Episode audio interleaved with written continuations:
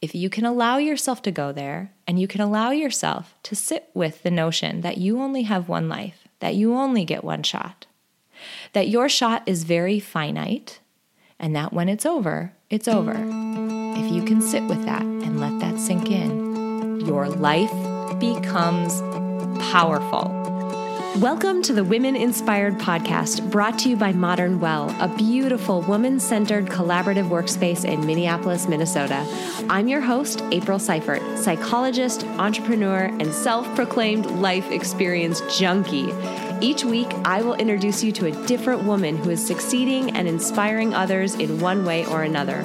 We'll dive into her story, her successes, failures, and the lessons she has learned along the way all with the goal of inspiring you to listen to that inner voice who keeps reminding you that there is something you want to take action on. You are so much more capable and powerful than you give yourself credit for. Inside of you is a woman on fire. Let's let her out and see what happens. Here we go. Friends, welcome back to the Women Inspired Podcast. My name is April Seifert, and I am your host. Now, if you have been following me either on the podcast or on social media, you have heard me speak so much about the concept of life design lately. Basically, the concept of life design is something that I have been applying to my own life for a number of years. And it's something that I've started to turn into an actual set of tools and techniques and really frame up in a more um, rigorous way over the last couple of years. I've been slowly and quietly giving these tools and techniques away to people who have approached me after listening to certain podcast episodes or people who have reached out for help. And the transformation that I've been seeing with these people who have applied these techniques has been amazing. So, I'm obviously out there spouting off so much about the notion of life design, and I realized that I have never actually done a good job of talking about what it is. So, today I wanted to spend a little bit of time on this supplemental episode. Happy Friday, by the way. I wanted to spend a little bit of time today talking about what life design is. Now, today, if you like what you hear, if you think this sounds interesting, I want you to know that I am offering a absolutely free webinar in the first 2 weeks of January. There's actually four different dates and times that I'm offering the exact same live every time webinar that is going to start using some of these tools and techniques that I've been developing. So, specifically in that webinar coming up, you'll be going through a life blueprinting exercise that incorporates the field of design thinking, so some really cool tools and techniques from that field, along with some really cool things from psychology, from the field of psychology, which my background is in. Um, and when you combine those things together, it becomes a very, very powerful set of tools and techniques that you can really use to transform your life. So, if you are interested at all in learning and actually getting a hands on um, you know, intro into what life design is, that is the perfect time to do it. If you head over to aprilseifert.com backslash webinar, you can register for a webinar, pick the date and time that works best for you. And what I'll say also, this is my first foray into doing these webinars. I'm pretty sure by the time that comes around, I'm going to figure out how to record this webinar. And so I'm going to have a replay available. Chances are I'll be able to send that replay out to folks who aren't able to make it. I don't say that because I'm asking you to sign up and then not show up. It'll be more fun to be there live. You'll be able to ask questions, we'll be able to engage in the chat, that type of thing. But if you're really interested and you just can't make one of those four times work, sign up anyway. The worst that happens is that you're not able to attend. But best case scenario, I figure this whole webinar software thing out and I'm able to send out a replay. So at least you can go through and do the exercise yourself, even if it's not live. All right, aprilseifert.com backslash webinar. You can sign up and really get a hands on introduction into life design. So, today, to dig in, what I want to talk about is the concept of life design and what it is. I just wanted to do a short episode on this to give you an idea of the way that I think about this concept and how I'm putting these tools and techniques together and where this all came from in the first place. So, why don't we start there? in the world of product development, there is this notion of human centered design. And I want you to think of some of the products that you love the most. So think about the product that rides around in your hand or your pocket or your purse all day, every day. I'm talking about your smartphone. That is one product to keep in mind. Another one, Tesla. Holy cow, like the car of the future is here today. Um, the Tesla, very beloved product, especially by people who drive one.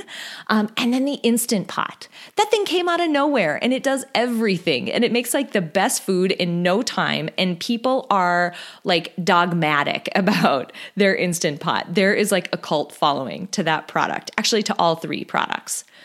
And the reason why products like that can come to exist is because the people who create them follow something called human centered design. So let's talk a little bit about that. And then we're going to talk about what the heck that has to do with life design and the stuff that I'm going to be doing on this webinar.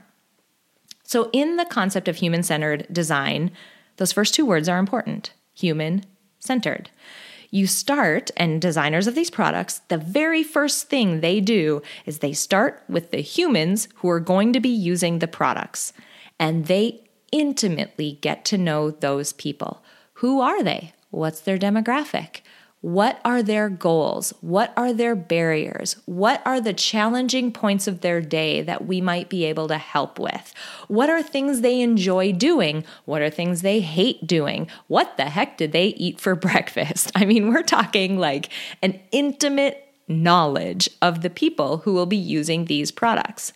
And they use that knowledge in order to design a product specifically for the people that they have in mind. So, the reason why busy moms, for example, with lots of kids and households to run and work to do and all the things, the reason why they love the Instant Pot is because they are the ones that the designers of that product had in mind when they started creating that product. They needed delicious food that was fast, that was healthy and easy to make, and they designed it specifically for the people who would be using it. From there, there's another notion that I want to hit on, and that is this notion of testing and iterating. Now, think back to the first quote unquote smartphone you ever had. It did not look like the smartphone that you carry around today, right? What are we on, like the iPhone 10, some letter? I don't know. I'm not cool. I don't have the newest iPhone, but whatever it is, we're on the iPhone 10 something or more. That means there have been 10 iterations that you've seen of the iPhone and probably thousands more that have happened behind the scenes as Apple, in this case, is putting out its best product its most viable product at the time. So sometimes in product development, you hear this called being called an MVP, minimum viable product. They chuck that out there and they get people to start using it. And then they see what people love, which aspects of it do they adore? And they start to push more into those aspects of the product. And then they start to listen to what aspects people hate and where are there still remaining friction points. So, something I want to mention here before we go, because we're about to turn the corner into what the heck this has to do with you and your life. They don't put a perfect product out there. They put a minimum viable product out there and they start to iterate on it. Where is it working? Where is it not working? How do we throw gas on the stuff that is working? How do we tame down, change, eliminate, whatever the stuff that's not? And from there, they iterate and they iterate and they iterate until they've developed a product like the Instant Pot that people are absolutely in love with. And blogs spring up around this one weird cooking contraption, and the cult following begins. Now, what's neat about that is if you think about that process, it totally applies to your own life. Except it's more simple. Your life only has one human at the center of it. That human is you. Now, yes, you might have a spouse or a partner or kids or friends or family or other people that you engage with in your life, but they have their own lives. You are the only human at the center of your own life.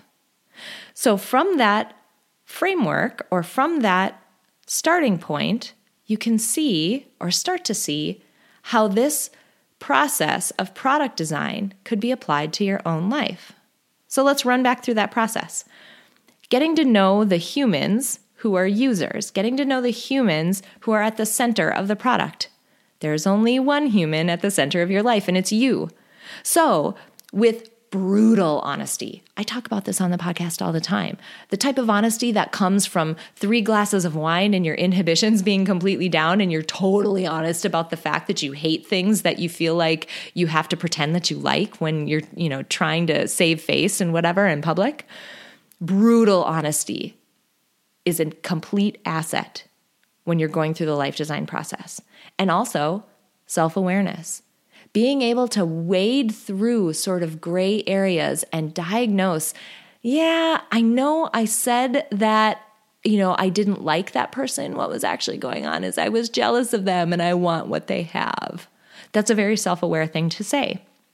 So, getting to know yourself, and by that I mean your goals, your desires, how do you want to feel each day, your strengths and your weaknesses, and your values and being honest about all of those things and self aware enough to figure them out, that is the very first most important step.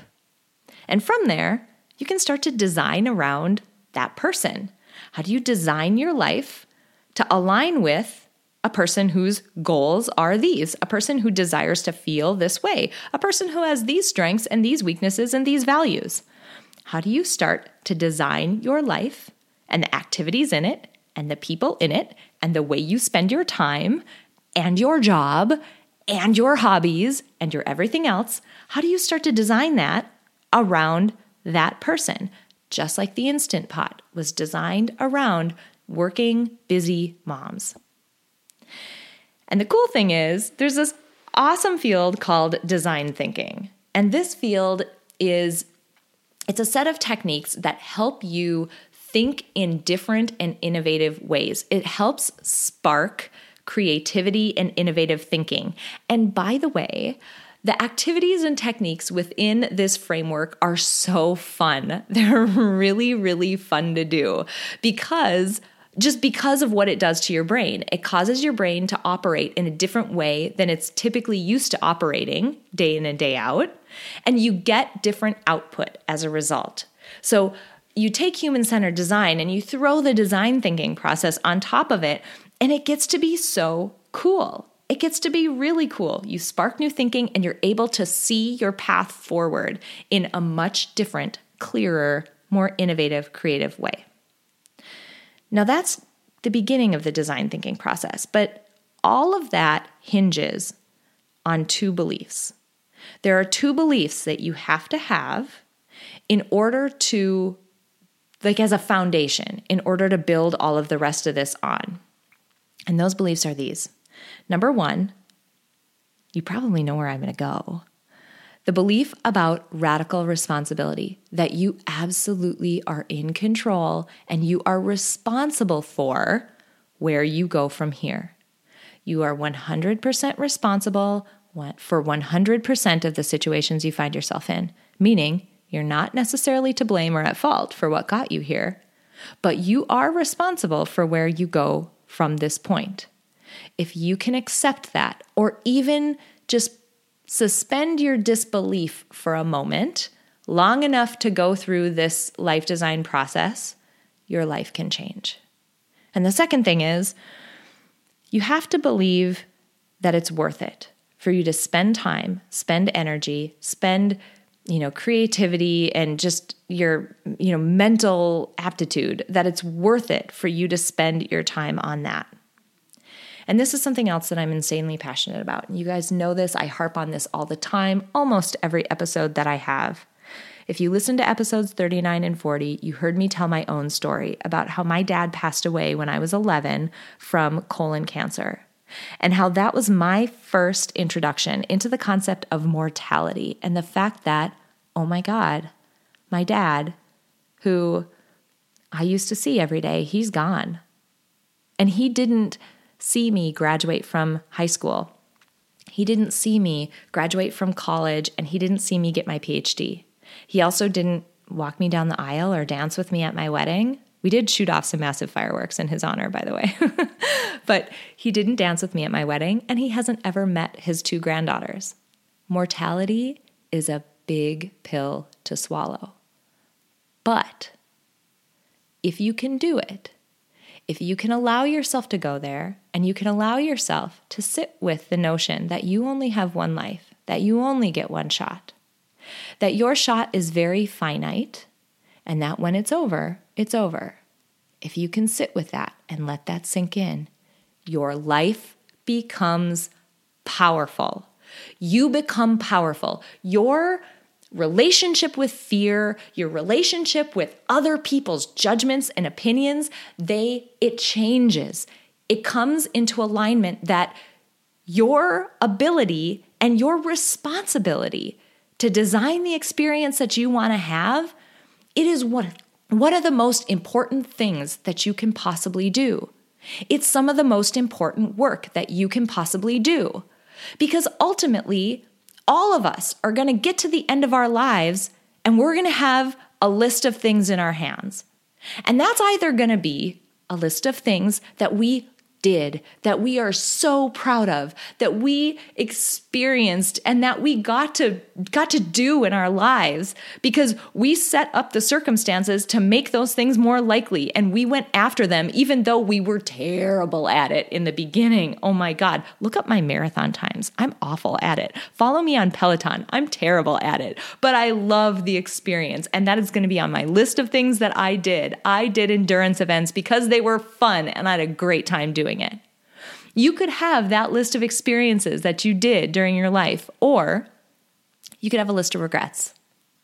And when they do research on people at the end of their life and they talk to them about the things they would have changed and the regrets that they have, there are a few that stick out that are very much related to the topic of life design. One of them is they regret not doing the things that would have made them happy. They don't regret doing things imperfectly. That doesn't make the list for almost anyone.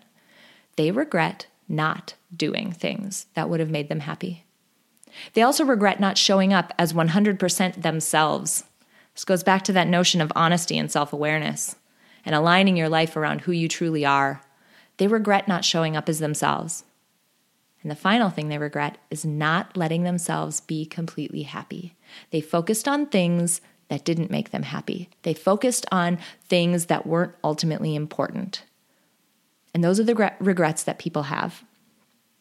And I can't think of something that makes me more devastated feeling than people getting to the end of their life and having that list of things in their hands. So for me, the work that you put into designing your own life and aligning it around who you actually are, not who other people want you to be, not who you think you're supposed to be, but aligning it around who you actually are. That is some of the best work you can possibly do. It's some of the most important work that you can possibly do, and it is so worth it. So, if you can get to the point where you believe in the notion of radical responsibility and you believe that the work you're going to do is worth it, the life design process will crack open for you and your life can change. Now, there's another notion that, you know, I talked about how I approach this and what my approach to it is. You could stop there and it would be incredibly powerful. And then, in fact, there are books and other programs that stop there. Where my approach changes a little bit is that, you know, my background, if you've listened to this, you know, my background is in psychology. I have my PhD in social cognitive psychology. Um, I bring that background into this process because I understand that there are certain psychological barriers that keep people from taking action, that keep them from wanting to accept responsibility, that keep them from, you know, feeling courageous enough to move forward in the way that they know would actually make them happy. There are barriers in place, things like fear, things like cognitive biases, things like self limiting beliefs, things like issues with your identity and how those things that you want to do don't feel like they're aligned with what your identity is. So, when you add the notions, these powerful pieces that the field of psychology bring to it and you throw those on top of the the life design process or the design thinking and human centered design process it's like throwing gas on a fire you've all of a sudden got the clarity and the innovation and the creativity of design thinking and human centered design with the power behind the field of psychology to help you mentally and psychologically do what you need to do if you could do that on their own on your own, you would have done it by now. If those barriers weren't in place, you would have done it by now. So, the piece that I like to add to this is this notion of psychology and bringing the power of that field to life design itself. So, when you put all of this together, you get this incredibly powerful approach that people can essentially create the life that looks and more importantly feels the way they want it to feel and is aligned to who they really are. Now, I hope that brief explanation gave you a better understanding of what I mean when I say life design. I mean a completely honest and a completely self aware approach to taking responsibility of your life and creating your next steps, creating your future so that it aligns around who you really are and setting yourself up psychologically, environmentally, socially, setting yourself up to make that more successful. That's what I mean by life design. Now, after hearing all of that, I'm going to plug it one more time. If you liked what you heard, if you're at all interested in what you heard, you have nothing to lose and you have your life to gain. Join me for my webinar in the first two weeks of January, and I'll take you through one tiny aspect of this process. We're gonna do one small standalone exercise that, in and of itself, is powerful. It's part of a larger process, but in and of itself, it is powerful. And I'm going to take you through that exercise so that you can experience, you know, this process of life design hands-on for yourself, applying it to your own life. And the cool thing is once you learn how to do this, later on, 2 years from now, 5 years from now, when you're in different life circumstances, you can apply the same thing. Once you've learned this framework, you can use it over and over, right? Like teach the people to fish kind of thing. So join me for that webinar. I would love to see you there. I'm getting tons of signups, which has been really, really cool to see. So thank you to everybody who signed up already. I can't wait to connect with you there. If you haven't signed up, you can go to aprilseifert.com backslash webinar to sign up. Or if you're looking at this on a mobile device or some type of device, you can likely scroll to the description of this episode and you can click on the link that I've dropped there. Most for most platforms that will work as well. All right, I hope you I hope this episode helped you guys understand in a much more nuanced and clear way what I mean by life design and why I know it is so powerful and why it has been leading to such incredible transformations in other people's lives and why I absolutely cannot keep it to myself anymore and I have to start offering this on a broader scale. So I hope to see you guys on my webinar, and I can't wait for you to see the rest of the interviews that I have coming out in the next few weeks and to connect with you guys in the new year. It's going to be amazing. I'll talk to you soon. Bye bye. Before we close out today, I want to say thank you to my producer, Cameron Hill, and to my incredible sponsor, Modern Well. If you want to learn more about how you can reach your goals in a one of a kind work life community, visit www.modernwell.co. If you enjoyed this episode, please share it with someone else who might benefit from this inspiring message. And if you have a moment, click the link in the episode description to leave me a rating and a review on iTunes. It would mean so much to me. Finally, I want to remind you that it is absolutely possible to live a happy, fulfilling life, even in spite of all of the chaos and demands we all experience. Sign up at aprilseifert.com to gain access to tools that will help you do just that. I have carefully created and curated a set of tools that combine the powerful fields of psychology and design thinking to help you intentionally create a fulfilling, happy life you love. Thank you so much for joining me this week, and until next week, stay inspired.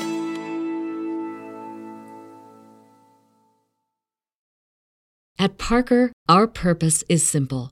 We want to make the world a better place by working more efficiently, by using more sustainable practices, by developing better technologies. We keep moving forward With each new idea, innovation, and partnership, we're one step closer to fulfilling our purpose every single day.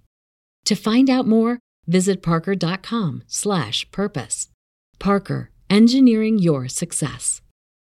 As humans, we're naturally driven by the search for better. But when it comes to hiring, the best way to search for a candidate isn't to search at all. Don't search, match with Indeed. When I was looking to hire someone, it was so slow and overwhelming. I wish I had used Indeed. If you need to hire, you need Indeed. Indeed is your matching and hiring platform with over 350 million global monthly visitors, according to Indeed data, and a matching engine that helps you find quality candidates fast. Ditch the busy work. Use Indeed for scheduling, screening, and messaging so you can connect with candidates faster. And Indeed doesn't just help you hire faster. 93% of employers agree Indeed delivers the highest quality matches compared to other job sites, according to a recent Indeed survey. And listeners of this show will get a $75 sponsored job credit to get your jobs more visibility at Indeed.com slash podcast. That's Indeed.com slash podcast. Terms and conditions apply.